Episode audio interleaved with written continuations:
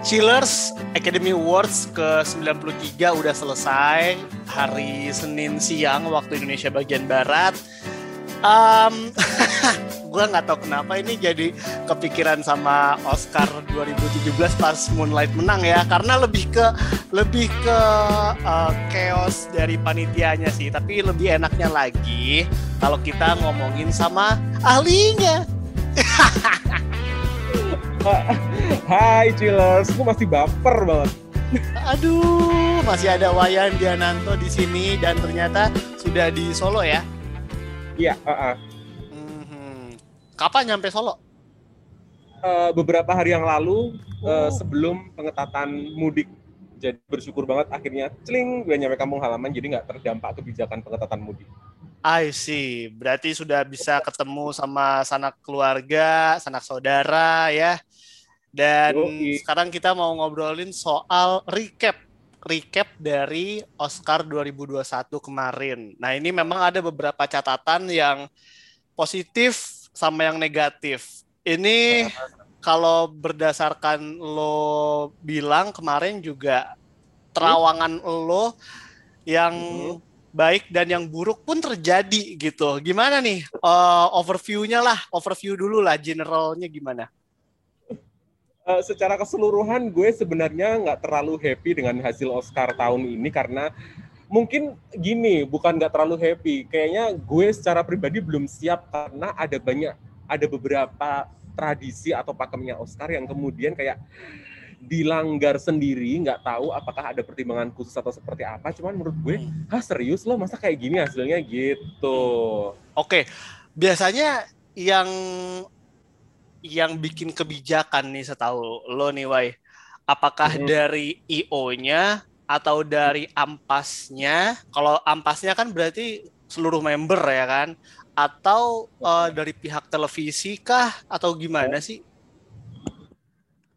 Nah, ini ini apa namanya? Sebenarnya ada beberapa apa ad, asumsi kalau bilang uh, terkait apa namanya rundown acara biasanya itu ke hmm. panitia. Tapi kalau soal hasil Oscar terkait siapa yang menang itu benar-benar kebijakan dari uh, apa komite di Academy Awards atau ampasnya gitu. Makanya kita oh. uh, apa namanya?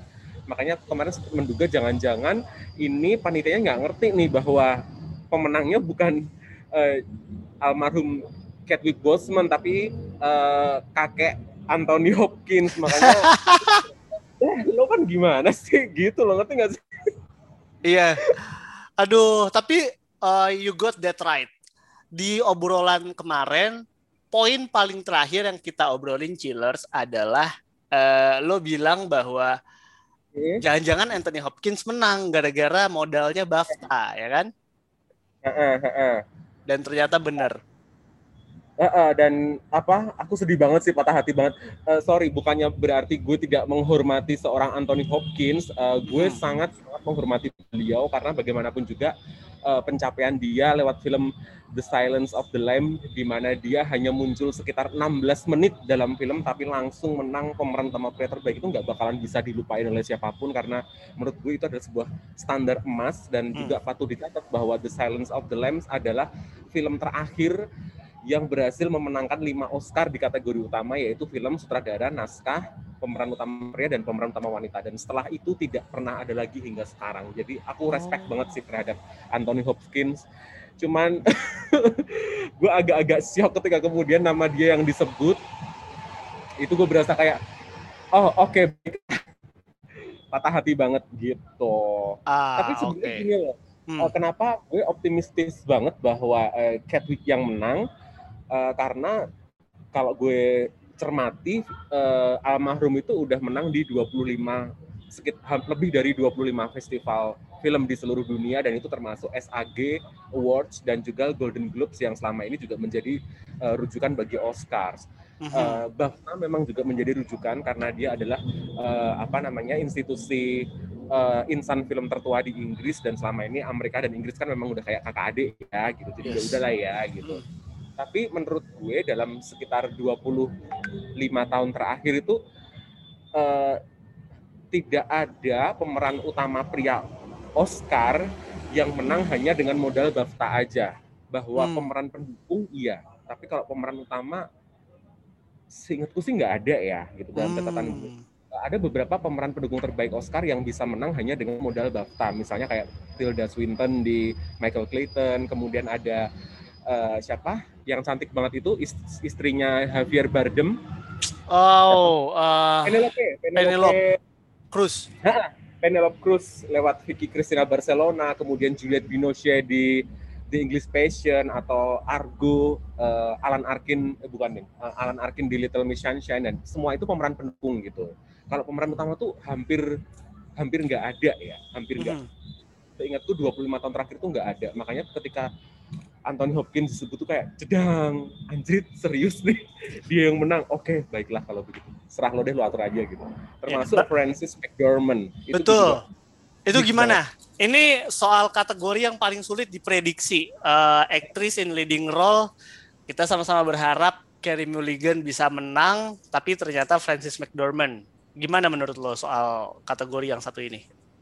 Iya, gue sih berharapnya waktu itu Carey Mulligan uh, menjadi suksesor atau penerusnya Adrian Brody atau mungkin Russell Crowe dan seterusnya. Tetapi memang uh, ternyata enggak. Tapi Francis McDormand sendiri memang menurut aku juga berpeluang menang karena satu selain modal BAFTA, yang kedua memang uh, dia di berbagai festival film independen udah panen piala sih gitu. Bahwa Hmm. kemudian Golden Globes dan SAG memberikan alternatif lain itu kayak sekedar eh lo mau nggak milih yang ini aja gitu jadi Hmm. pilihan yang sebenarnya sudah established gitu Andrade aku dengan sangat percaya diri nggak mungkin menang Oscar Mm-mm. maaf bukan mengecilkan perannya cuman eh, dia tuh sedikit sekali menang di festival film dan walaupun menang dia memetik kemenangannya tuh di festival film yang spesifik. Saya- gue bilang spesifik karena eh, spesifik untuk eh, ajang kompetisi para insan film kulit berwarna atau kulit hitam jadi Mhm. ya pasti peluangnya akan lebih besar untuk menang gitu. Mhm. Jadi ya sudahlah, saya ikhlas eh, Francis menang. Eh, ada nggak eh, kategori yang kalau Anthony Hopkins kan oke lah dia Mm-mm. eh, punya apa punya sejarah gitu memang aktor legend dan memang aktingnya katanya sih di The Father bagus banget juga terus eh, Francis McDormand juga sama kayak lo bilang tadi established. Nah kalau yang di luar itu yang menurut lo "Hmm, enggak nih. Ini ini eh, surprise banget dan di Heeh. sisi lain nominasi yang kalah di kategori yang sama itu kena snap. Ada nggak yang kayak gitu? Entah di kategori apa gitu. Oke, eh, apa namanya? Gue tuh shock berat gitu ya ketika yang menang. Itu loh. Ingat nggak eh, Dam eh, lagu tema terbaik? her Eh, eh, yang ujuk-ujuk dong yang menang adalah eh, apa namanya soundtrack eh, ini loh soundtrack Judas. Judas Messiah. Mm-mm. Bener gak spellingnya? Gue bilangnya selalu Messiah, Messiah tapi Messiah ternyata. Oke, kenapa tuh? serius gue shock setengah mati jantung gue saya mau copot karena ya Allah kok bisa dia sih yang menang ini bener-bener eh, mohon maaf ya kayaknya di luar nalar gue gitu loh Mhm, mhm, mhm. Yang lo ini, yang lo dukung siapa? dengan dengan si pencapaian siapa namanya eh, Judas and the Messiah The Black Messiah ini gue gue shock banget sebenarnya Hmm. karena dugaan gue yang menang itu eh tunggu yang yang gue duga eh, Speak Now dari film Oh. One Night in Miami Itu bener juga sih si ini ya apa namanya? Eh, Leslie Odom ya nam- Heeh, Leslie Odom Leslie Odom, yes. Betul. karena dalam catatan gue eh, in eh, lagu apa namanya lagu ini tuh banyak menang di berbagai festival film puluhan bahkan terus Mhm. kalau yang kedua dugaan gue kalau nggak si Speak Now adalah ini lagunya siapa soundtrack film The Life Ahead Mhm. ciptaannya Diane Warren Oh, Oke. gue Diane Warren ini juga menang di banyak festival meskipun tidak sebanyak uh, Speak Now tetapi faktor bahwa Diane Warren itu sudah 12 kali dinominasikan di Academy Award dan tidak pernah menang gue ngerasa mungkin ini waktunya kali ya uh, Diane Warren dipilih gitu dengan berbagai modal apalagi uh, lagunya Diane Warren ini juga menang di Golden Globes dan Oscar kan biasanya suka dengan sesuatu yang baru. Eh, yang gue dengar lagunya Diane Warren ini kan berbahasa Italia dan kalau dia menang berarti dia akan menjadi lagu dengan bahasa Italia atau not in English pertama Hmm. dalam sejarah lagu berbahasa Italia pertama yang akan menang eh, Oscar pertama. Siapa tahu akan ada kebijakan dalam tanda kutip kebijakan seperti itu. Tapi ternyata tiba-tiba yang menang Her itu gue yang tunggu tunggu tunggu. Gue sampai sampai sampai nge, udah gue nonton live nih sampai Ah. gue sampai Twitter bener gak sih yang menang Black Messiah? Kayaknya harusnya enggak deh. gitu. Tapi ya sudahlah ya. Gue shock karena eh, lagu ini lagunya Her ini cuma menang di satu festival film Oh, cuma satu bayangin oke. belum menang Oscar itu kan wow gue kejut sih bener-bener kejut banget Oke, dan Judas sendiri kan dia paling kenceng kampanyenya buat Daniel kan sebenarnya Daniel Kaluuya. Nah ini pas Bener. si Her-nya menang, gue mikirnya apa Oscar pengen coba untuk ngerangkul atau ya ngerangkul penonton generasi muda gitu kan? Kita nggak tahu. Her juga kan mungkin eh, dia dengan dengan popularitasnya dia di kalangan anak muda ketika dia ngepost menang Oscar apa segala macem mungkin itu akan bikin Oscar tuh lebih dikenal di kalangan anak-anak yang lebih muda kali ya. bisa jadi bisa jadi seperti itu Eh, tapi memang eh, apa namanya eh, Oscar tahun itu bener-bener nggak ketebak sih Hmm. kecuali Nomadland ya bahkan kemenangan Nomadland pun juga aku punya catatan khusus sebenarnya untuk kemenangan ini Iya iya. sih. jadi memang ya udahlah gue shock aja Yang lo jadi dia yang lo catat di Twitter soal Nomadland mungkin boleh di-share juga ke pendengar nih, Wayan. Oke, jadi gini dalam catatan gue tuh ya bahwa Mhm. eh, nggak tahu ya, tapi ini berdasarkan pengamatan gue dan juga Iya. data-data yang gue kumpulkan bahwa gini loh, sebuah film itu Hmm. bisa menang Best Picture hanya dengan eh, kemenangan di kategori skenario aja. Itu terjadi di film Spotlight. Itu tahun berapa ya? 2016 ya kalau nggak salah Betul. ya. Betul. 2016 itu dia menang Oscar film terbaik hanya dengan modal satu piala di kategori naskah Mhm. fenomena kayak gini nih terjadinya sangat langka karena terakhir kali sebelum Spotlight itu terjadinya di tahun 1953 ya Allah gue belum lahir dan lo juga belum lahir pasti ada Pasti. tahun 1953 untuk film berjudul eh, The Great The Greatest Show in the World. Kalau nggak salah Mhm. nanti kamu bisa cek. Eh, itu menang menang film terbaik hanya dengan modal skenario aja.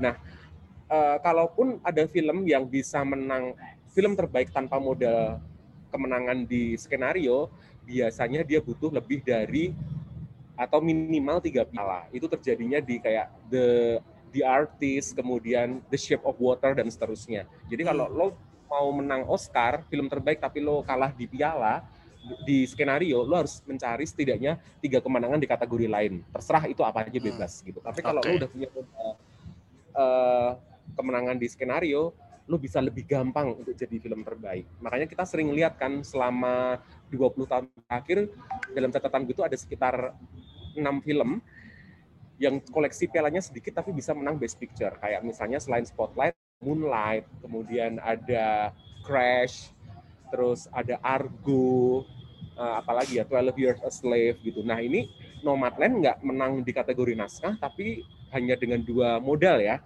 yaitu Mhm. sutradara dan juga Best Actress dia bisa menang Best Picture itu gua agak ah serius nggak sih ini? ya gue nebak, ya gue nebak sih Nomadland yang menang, cuman makanya diprediksi gue di yang gue publish di media tempat gue bekerja, gue menjagokan Nomadland menang di skenario karena agak aneh sih kalau lo nggak menang skenario, terus lo mau menang di bidang apa lagi selain Best Actress dan juga di sutradara gitu loh. Mhm, Tapi itu mhm. ya udahlah ya. Oke, eh, di penulisan skenario sendiri untuk adaptasi dimenangkan oleh Christopher Hampton sama Florian Florian Wells ya, Florian Zeller, sorry, Florian Zeller dari The Father. Untuk yang skenario asli tadi yang adaptasi kan ini yang asli dimenangkan oleh Emerald Fennell. Emerald Fennell saat eh, acara Oscar berlangsung dia mendapatkan piala Oscar pertama ya. Maksudnya dari rundown juga dia yang diumumin pertama. Biasanya kalau Betul. rundown kan supporting actor duluan kan. Makanya gua kira Daniel Kaluuya bakal maju duluan. Ternyata Emerald Fennell duluan dan dia bilang bahwa film ini apa uh, film Promising Young Woman itu adalah Poison Popcorn. Wah, ini uh, buat anak-anak DC pasti bakal penasaran banget karena Emerald kan uh, akan menulis Zatanna ya. Ini, ada yang mau lo tambahkan nih soal Emerald Fennel si pemenang baru di Oscar? Kalau aku sejujurnya nggak kaget bahwa Emerald Fennel ini akan menang karena hmm. dia sudah dapat modal dari uh, Writers Guild. Ya, WGA. Kalau nggak salah ya, itu kan hmm. kayak penghargaan dari paguyuban penulis naskah di uh, Amerika, Amerika Serikat plus juga dari BAFTA. Jadi kayaknya langkah dia untuk menang tuh tara gampang banget sebenarnya gitu. Uh, bukan bukan memudahkan ya, maksudnya mm-hmm. sudah bisa dipastikan, hampir bisa dipastikan. Jadi mm-hmm. uh, aku agak nggak kaget gitu. Dan yang aku apa garis bawahi juga Oscar tahun ini tuh benar-benar BAFTA banget. BAFTA hmm. banget. Oke, okay. BAFTA ya. Dua. Ya kan? Ternyata mm-hmm. dapat dua dari skenario adaptasi, adaptasi. ya kalau nggak salah. Iya. Adaptasi Anthony Hopkins. Kemudian film ter, film terakhirnya Chadwick Boseman cuman kebagian dua piala untuk make up dan juga untuk kostum itu persis keputusannya BAFTA. Mm-hmm. Terus Nomadland ya udahlah ya. Jadi uh, apa banyak kok yang kalau di, kalau aku cek tadi itu lebih dari lebih dari lima kategori yang ketika sama sama BAFTA. Kayaknya okay. aduh gitu. Yang membuat gue itu malah ini The Trial of Chicago Seven ini yes. karena ya Allah enam nominasi dan dia nggak menang satu pun yeah. itu kasihan banget. The biggest Terus, loser di Oscar tahun ini Trial of Chicago Seven. Gue kira dia masih bisa bicara di beberapa kategori yang lain gitu. Walaupun gue udah ngelihat, oh ini kalah nih dia. Tapi gue masih berharap waktu dia kalah di naskah, gue masih berharap gitu. Tapi ternyata dia benar-benar sama sekali nggak dapet. Gimana nih? Makanya aku aku pas dia kalah di naskah tuh aduh ini bakalan tangan kosong nih kayaknya nih aku malah mikir hmm. kayak gitu karena nggak uh, karena gini uh, satu-satunya andalannya dia tuh cuma di naskah karena hampir tidak mungkin dia jadi best picture merujuk pada kemenangan di SAG Awards kan di SAG hmm. Awards dia menang tuh dan hmm. memang ada beberapa film yang berbekal kemenangan di kategori film dengan ensemble pemain terbaik di SAG Awards dia bisa menang best picture cuman hmm dia harus menang apa lagi nih hmm. supaya bisa okay. jadi best picture-nya All-Star. Satu-satunya ya, ya menurut gue naskah. Kalau naskah aja dia udah kalah, ya berat deh. Iya, uh, gue juga pas, aduh naskahnya bukan dia ya kan.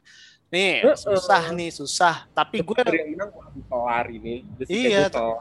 Aduh, gue agak nggak nyangkanya dia nggak dapet apa-apa itu dia ih, kasihan banget uh. gitu. Apa karena filmnya dianggap dibikin dengan rage kemarahan oh. terhadap pemerintah jadi kayak uh, ampas ngerasa aduh apa banget sih ini film kayaknya enggak deh kita terlalu terlalu risky deh kalau dijadiin best picture karena atau pertemanan Joe Biden kali ya karena Joe oh. Biden kan banyak yang pro eh, banyak seleb yang pro gitu terutama hmm. Hollywood ya kayak hmm. mereka happy dengan Joe Biden coba kalau yang menang masih uh, bapak yang satu itu bisa jadi uh, wah gue harus mencari ini nih tunggangan nih buat memenang. Oh buat bisa. Uh-uh. Aaron lah gue pilih bisa, bisa jadi. Kan, bisa. Tapi kan ini apa namanya prediksi yang juga ada yang masih prematur lah istilahnya. Asumsi-asumsi doang. Uh, bisa jadi. Karena kan kadang-kadang memang penghargaan film itu kayak sebuah statement terhadap publik bahwa hey gue juga peka loh merespons isu yang saat ini terjadi. Statement dari uh, para pekerja seni film Hollywood dan juga dunia ya terhadap kondisi Amerika saat ini ya. Statement di situ bakal kelihatan. Bisa jadi tuh gara-gara Bapak Trump nggak kepilih, jadi ya udah we don't need to uh, to speak something that uh, bold kali ya. Jadinya ya dipilihnya yang si Nomadland dan bener-bener nggak ngebawa pulang satu pun satu pun piala Ya ampun. Waktu nonton di Disney Plus berarti lo dari awal sampai akhir ya mantengin. Iya dan dan apa aku kan kebetulan gue juga ber, apa gue juga diundang untuk datang ke apa namanya virtual press roomnya Oscar. Oh. Uh, jadi ketika udah baru masuk ke virtual press room itu kita udah dikasih rundown dan gue shock setengah mati. Hah? Kok yang paling bawah pemeran utama pria terbaik? Tunggu tunggu ini kayaknya salah deh. Terus gue ulang tuh dengan bodohnya gue download ulang terus oh iya iyalah bener karena sudah ada stempel confidential dari mereka jadi oh lu udah lu udah tahu lu udah tahu bahwa uh, the last one is not the best picture tahu udah tahu. Di awal tuh gue udah tahu dan gue langsung hmm berarti Chadwick Boseman menang nih. Gue udah sehappy oh, iya. itu loh. Okay. gue udah sehappy. Tapi well lo ngerti kan gimana hatinya gue habis itu? Tiba-tiba uh, and the Oscar goes to Anthony Hopkins. Oke okay, Pak Anthony tidak hadir maka akan demikian Oscar sampai jumpa terus gue yang oke. Okay. itu uh, selama gue sepanjang gue nonton Oscar itu adalah the most awkward uh, ending yang pernah gue lihat di Oscar sih. Menurut lo gimana? Banget banget. Terus iya kan? kemudian kan? ada sesi tanya jawab kan buat teman-teman wartawan uh-huh. termasuk gue gitu. Aduh, ayo siapa yang mau nanya? mau nanya apa? ya habis Anton ini juga nggak dateng kan gitu Uh-huh. Uh-huh. Ya udahlah gitu. Gue udah akhirnya pasat.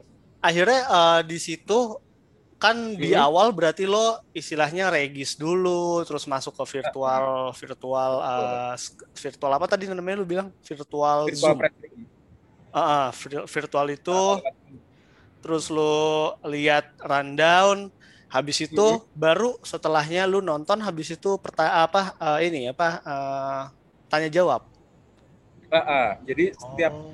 Setiap satu pemenang diumumkan sekitar 5 sampai sepuluh menit kemudian uh, pemenang tersebut akan dibawa ke uh, virtual press room untuk kemudian diajak oh, okay. uh, tanya jawab dengan wartawan gitu. Oh itu yang wartawan. ini ya yang apa namanya Jeng uh, si Yu Jung Yeon ditanya gimana baunya Brad Pitt di situ ya? Uh -uh, uh -uh. itu media mana?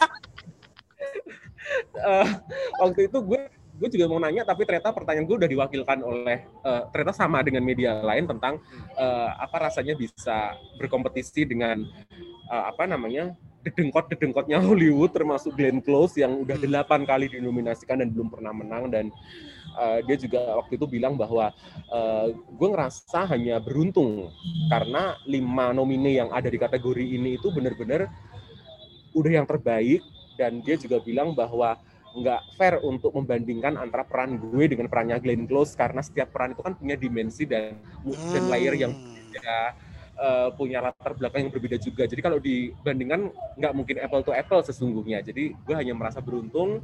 Terus dia juga bilang bahwa sebenarnya uh, ini juga sekaligus statement bahwa setiap orang itu pada hakikatnya adalah baik.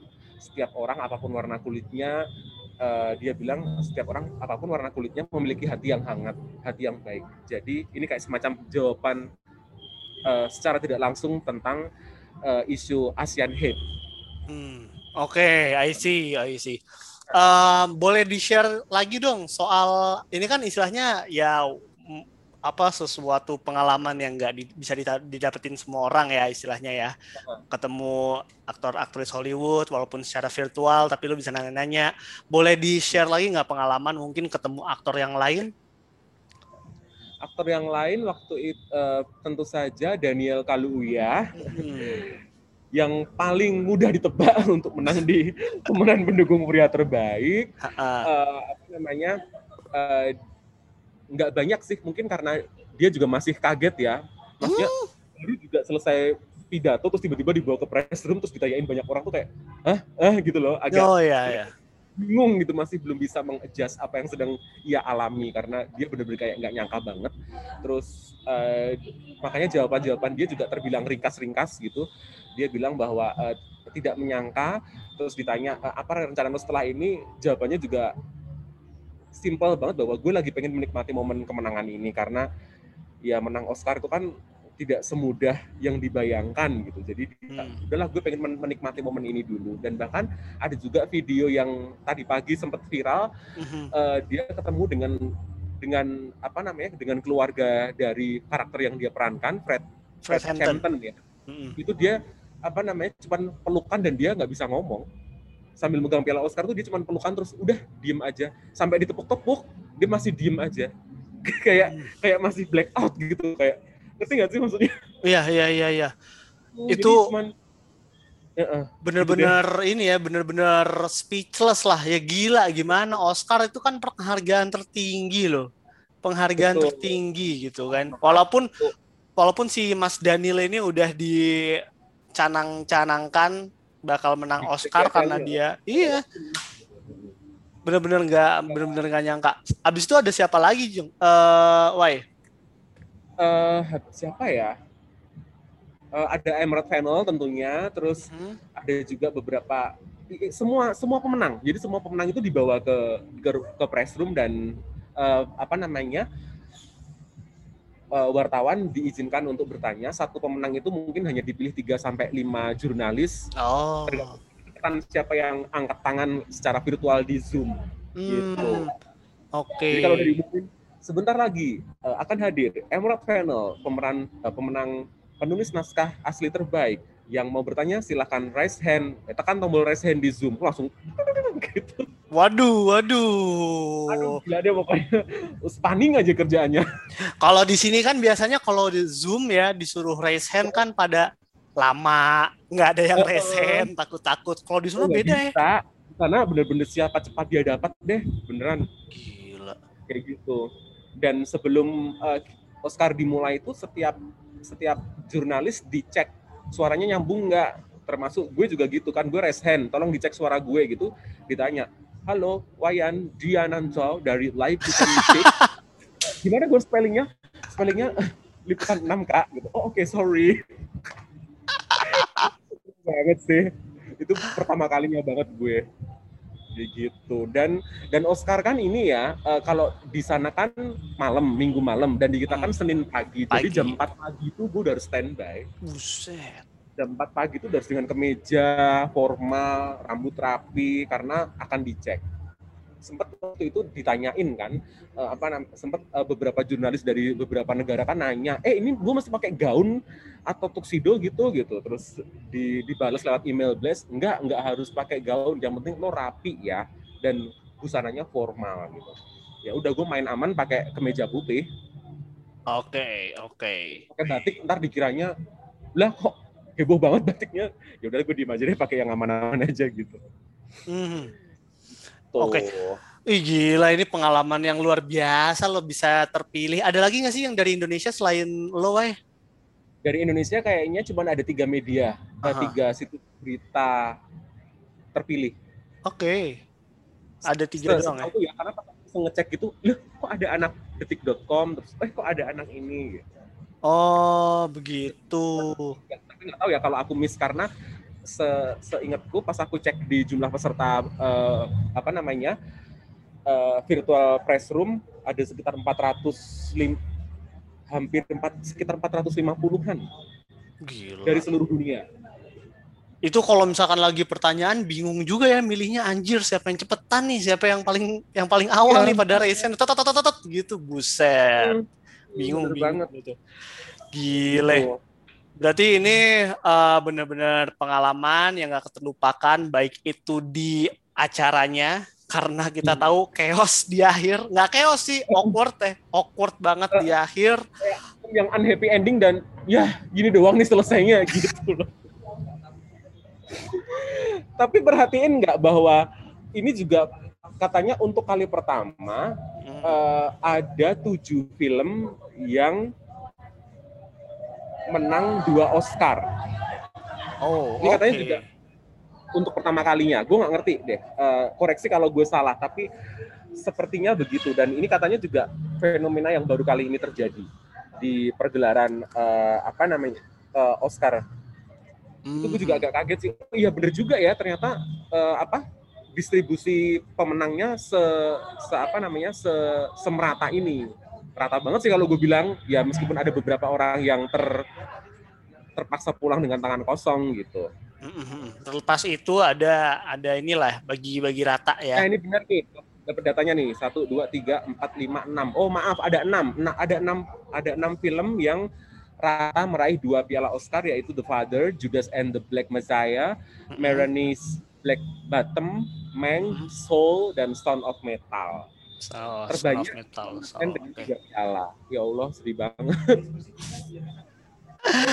Sol juga akhirnya dapat ini ya piala di luar teritorinya dia ya karena kalau animated juga, feature udah pasti dia menang. karena Hmm. semua orang sudah memprediksi lo pasti menang tata suara tata musik terbaik. gitu. Hmm, Ini oke. bedanya ya kalau di uh, keputusan Oscar untuk memberikan uh, enam film masing-masing dua pi- piala ini ternyata direspon baik. Tapi mungkin kalau di Indonesia ya dengan mulut nyinyir netizen plus 62 pasti akan bilang alah ini bagi-bagi piala doang ini penghargaannya. Tapi ternyata oleh media luar itu direspon. Oh oke juga ternyata. Oh, Jadi- oke. Saya berpikir bahwa kekuatan para peserta Oscar tahun itu merata. Mhm. Mhm. Iya ya. Yang menang Best Picture aja cuman dapat tiga piala, ya gimana nggak merata ya nggak sih? Heeh.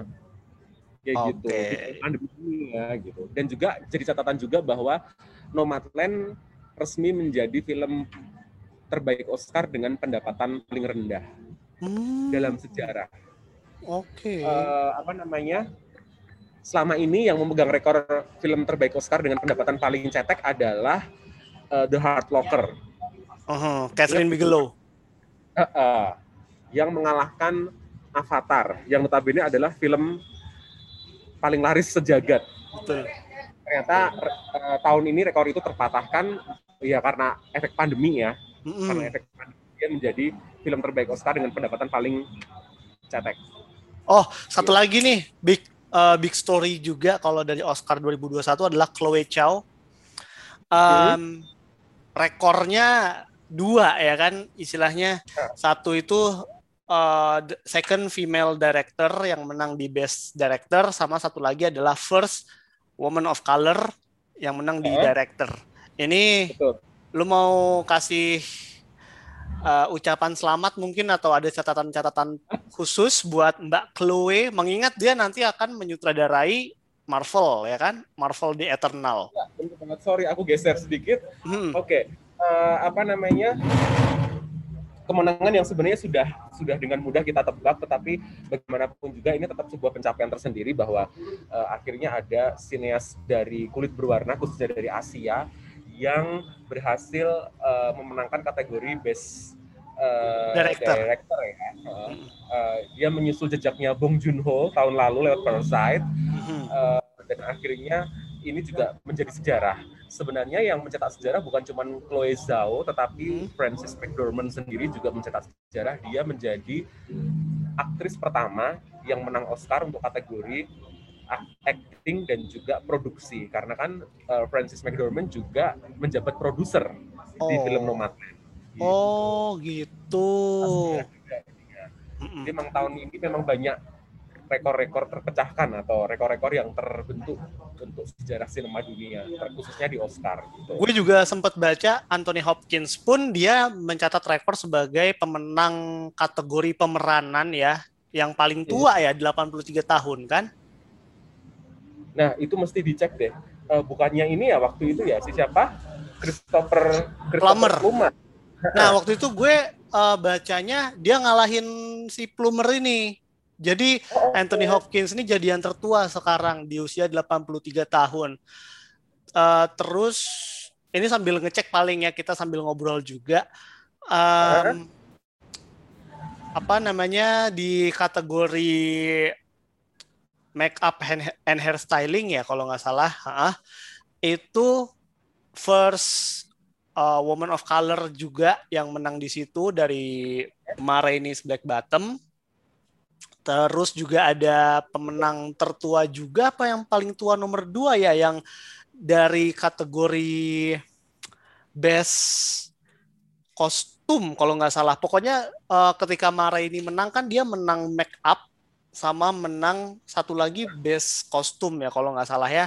Nah yang di make up ini yang di up adalah eh, rekor tadi yang gue bilang Woman of Color pertama kali ada yang menang di situ. Nah kalau yang kostum itu yang terkait sama umur. Nah itu gue agak udah agak-agak lupa ada catatannya di artikelnya Cineverse. Dan Uh-huh. yang gue eh, inget-inget lagi adalah dan ini sangat-sangat menyentuh hati, eh sedap. Speechnya Thomas Vinterberg. Speechnya Thomas Vinterberg, eh, direkturnya Another Round bilang kalau ini kemenangannya dia eh, dide- didedikasikan buat anaknya karena Uh-huh. anaknya meninggal empat hari setelah syuting Another Round. Itu itu patah hati banget gue sumpah. Kayaknya juga itu cerita belum belum pernah di share sebelumnya nggak sih sama dia? Gue baru gue baru ini loh gue baru denger sih. Iya, ya aku juga baru denger sih. Gue sempat mikir apa yang uh, kurang update, tapi terlepas dari apa pun itu, it, uh, memang banyak yang bilang bahwa pidato sutradara uh, Another Round ini salah satu pidato terbaik di malam Oscar ke-93. Hmm. Gitu. Nah, barusan juga terkonfirmasi benar kok Anthony Hopkins menjadi yang tertua karena Christopher Plummer itu di usia 82 tahun. Hmm, oke. Okay. Beda setahun ya, doang. Ya sebenarnya ya, di tengah keabsurdan ending Oscar, tapi kita harus mengapresiasi sih banyak banyak hal-hal penting yang akhirnya terjadi dan rekor-rekor baru yang terpecahkan. Gue harap gue harap uh. nih ya uh, awkwardness-nya Oscar di tahun ini itu tidak menutup prestasi dan rekor yang diciptakan oleh Anthony Hopkins. Karena uh ini buat gue dong iya jarang uh, prestasi tersebut kalau misalkan ditutupin sama hal yang uh, apa ya yang kurang oke okay, yang nggak bagus dosa gitu ya. Istilahnya aduh sayang banget. Apalagi ini udah uzur loh Anthony Hopkins ya Betul, sudah 83 tahun dan ingat juga ya bahwa untuk mendapatkan piala Oscar ini dia menanti selama 29 tahun. Cuy, 29 tahun cuy, lama banget loh. Sebenarnya memang terlepas dari uh, apa namanya kontroversi gitu ya yang terjadi. Uh, aku juga perlu ngasih tahu juga ke teman-teman chillers di sini bahwa uh, pihak uh, Chadwick Boseman mm. pihak keluarga juga menyatakan bahwa uh, dia merasa tidak diperlang uh, apa namanya kan waktu apa waktu uh, Catwick kalah banyak yang bilang wah ini Oscar mempermalukan almarhum nih gitu tapi dari pihak kakaknya Catwick Boseman uh, per kemarin sudah memberikan statement bahwa dia merasa tidak dipermalukan hmm. uh, apa namanya semasa hidupnya almarhum juga bilang bahwa uh, Oscar memang sebuah pencapaian tapi gue tidak terobsesi untuk mendapatkan piala Oscar karena memang uh, gue terjun ke dunia seni karena gue cinta pada seni hmm. terus apa namanya pihak keluarga sendiri juga sudah mengirim doa ke dan dukungan kepada Anthony Hopkins dan apa kakaknya Chadwick Boseman juga bersyukur dan senang banget karena uh, Anthony Hopkins memberikan tribut atau penghormatan yeah. terhadap almarhum. Jadi sebenarnya dari pihak keluarganya almarhum juga bilang udahlah tolong jangan diperkeruh suasana ini. Maksudnya ya Oscar memang punya selera sendiri dalam menemukan pemenang dan dengan menjadi nominasi aja gue udah bangga dia bilang gitu ceritanya. Yeah. Uh, kabar terbaru yang aku dapatkan uh, dari pihak ABC News uh, apa namanya dia mengatakan bahwa uh, tidak ada maksud sama sekali untuk mempermalukan keluarganya Cathy Bosman dan terkait soal apa namanya urutan kategori yang tidak kayak biasanya mm-hmm. dia bilang bahwa namanya Rock Miles kalau nggak salah koreksi kalau gue salah ya Rock, Rock Miles mengatakan dari pihak ABC News juga mengatakan tidak tidak bermaksud untuk mempermalukan dan bahwa yang diacak urutannya itu nggak cuma film terbaik kok semua diacak gitu makanya kenapa penulis skenario asli tiba-tiba muncul di muncul di awal. Hmm. Semua di mix up. Jadi nggak cuma film terbaik doang dia bilang gitu. Oh, lah kalau misalkan diacak tahu-tahu best picture-nya keluar paling pertama gimana? Nah. aku juga baca pas aku aku pas aku baca pernyataan resminya dia ketika diwawancara sama Variety, aku juga bilang, hmm, ini pertanyaan apa statementnya agak-agak diplomatis ya. Hmm membandingkan dengan tragedi salah amplop uh, versus Moonlight yang dia mengatakan bahwa meskipun itu dikecam banyak orang tapi kan pada akhirnya uh, apa namanya tragedi ini kan dibicarakan banyak orang jadi dia merasa bahwa oh ya udah yang penting kan udah diomongin orang mm-hmm. Tahu kalau misalkan mau cari sensasi istilahnya pakai cara lain kayak Oscar? Bingung gue. Kalau iya gue juga mikirnya gitu lah. Kok lo indikatornya kemudian uh, apa namanya dibicarakan banyak orang? Ya kalau lo pengen dibicarakan banyak orang ini bukan bukan teknik yang tepat karena Oscar kan berkelas ya. Maksud aku mm -hmm. udah 9 tahun lo mau nyari popularitas yang kayak apa lagi sih kan? Ya nggak sih?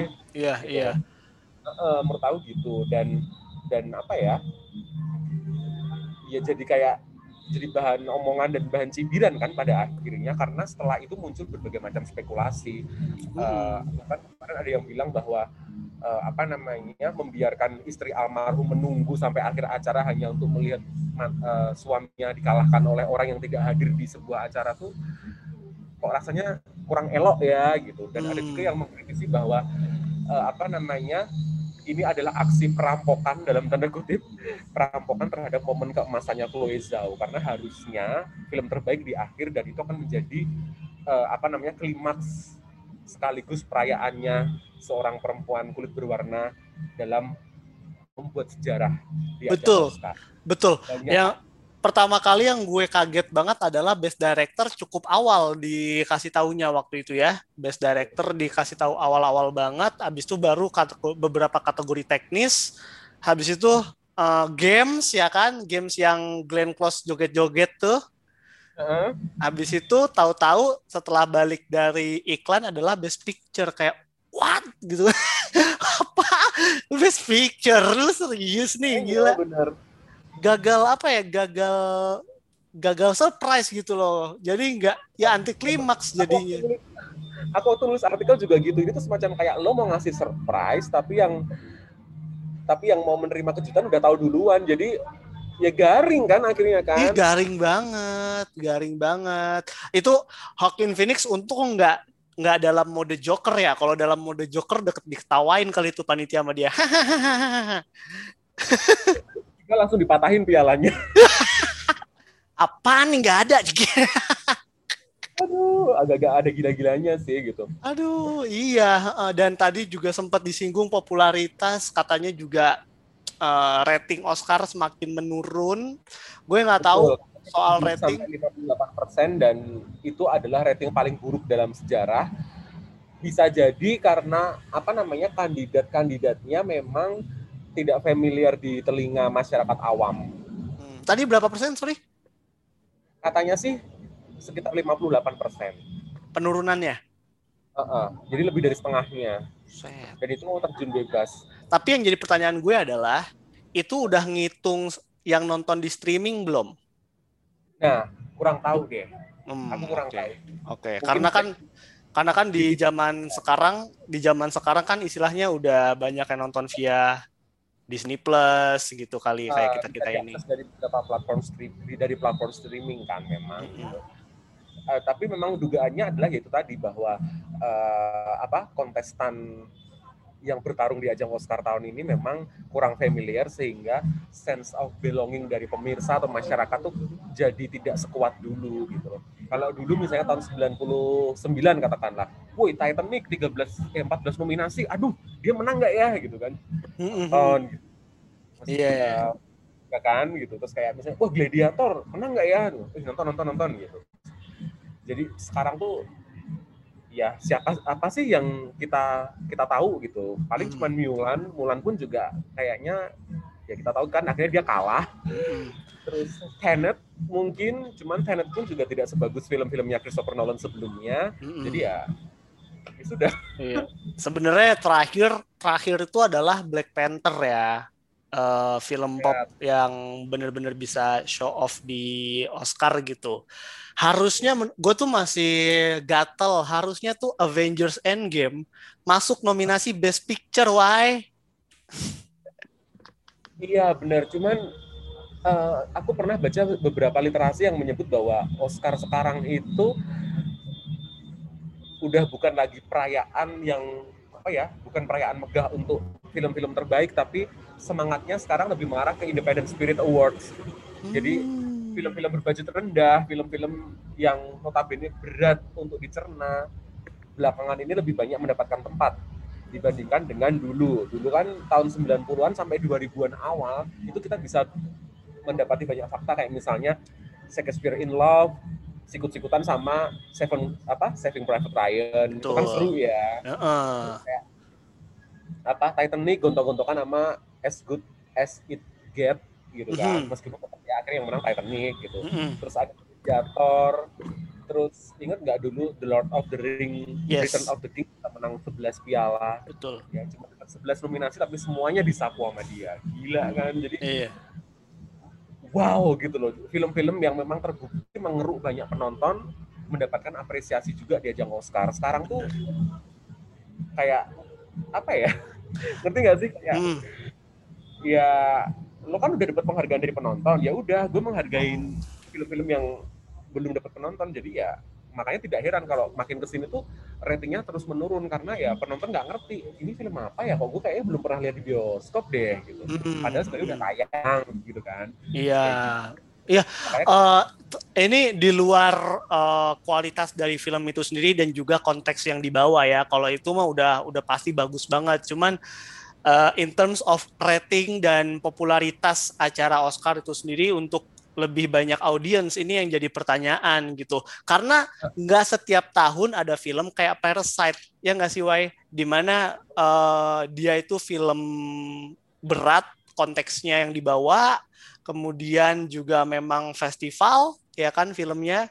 Tapi caranya ngebawain itu asik. Jadi orang oh.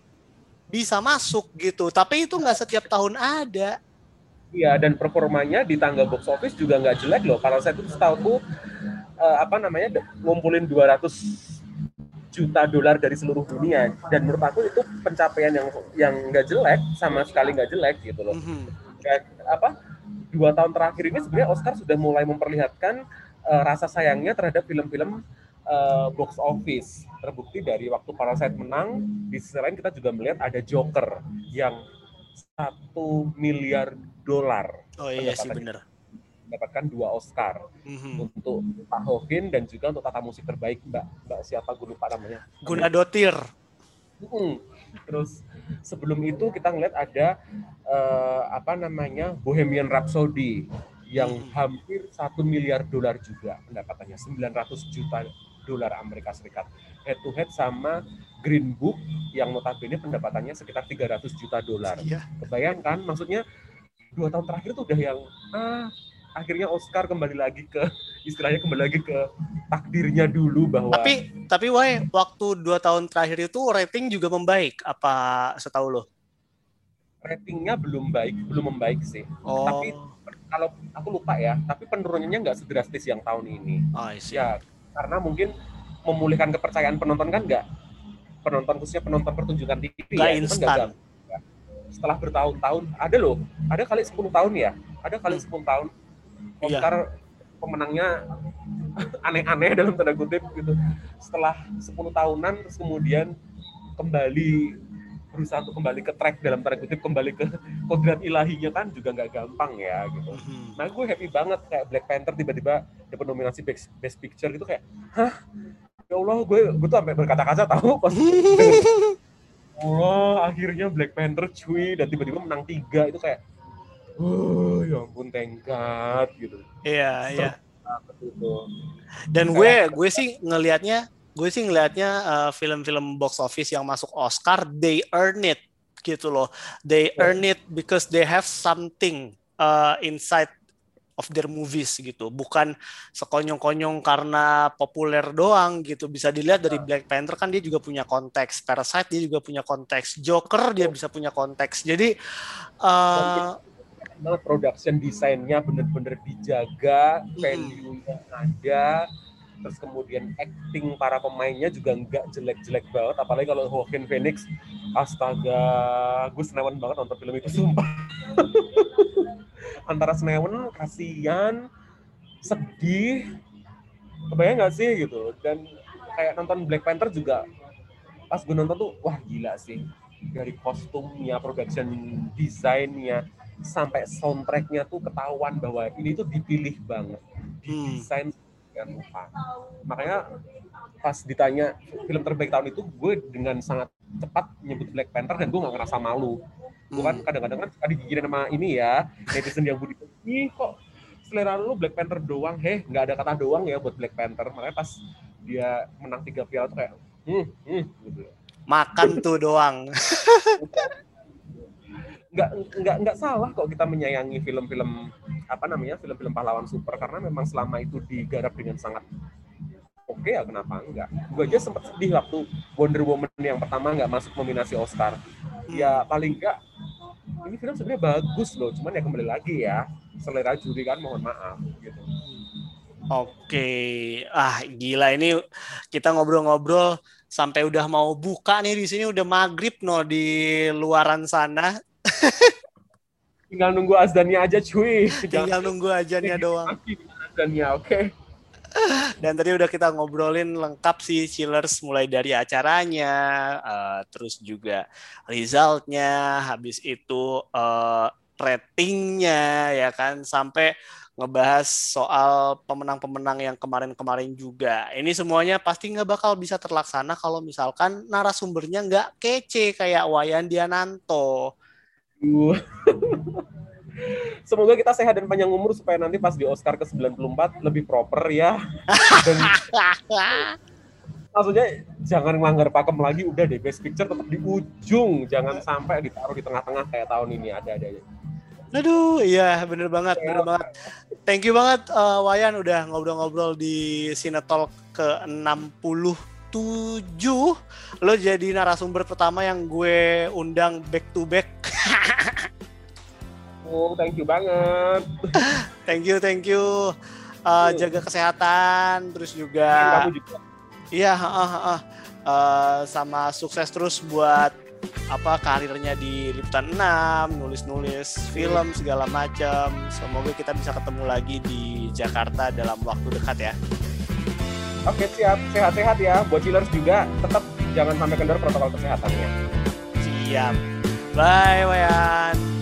Thank you. Thank you.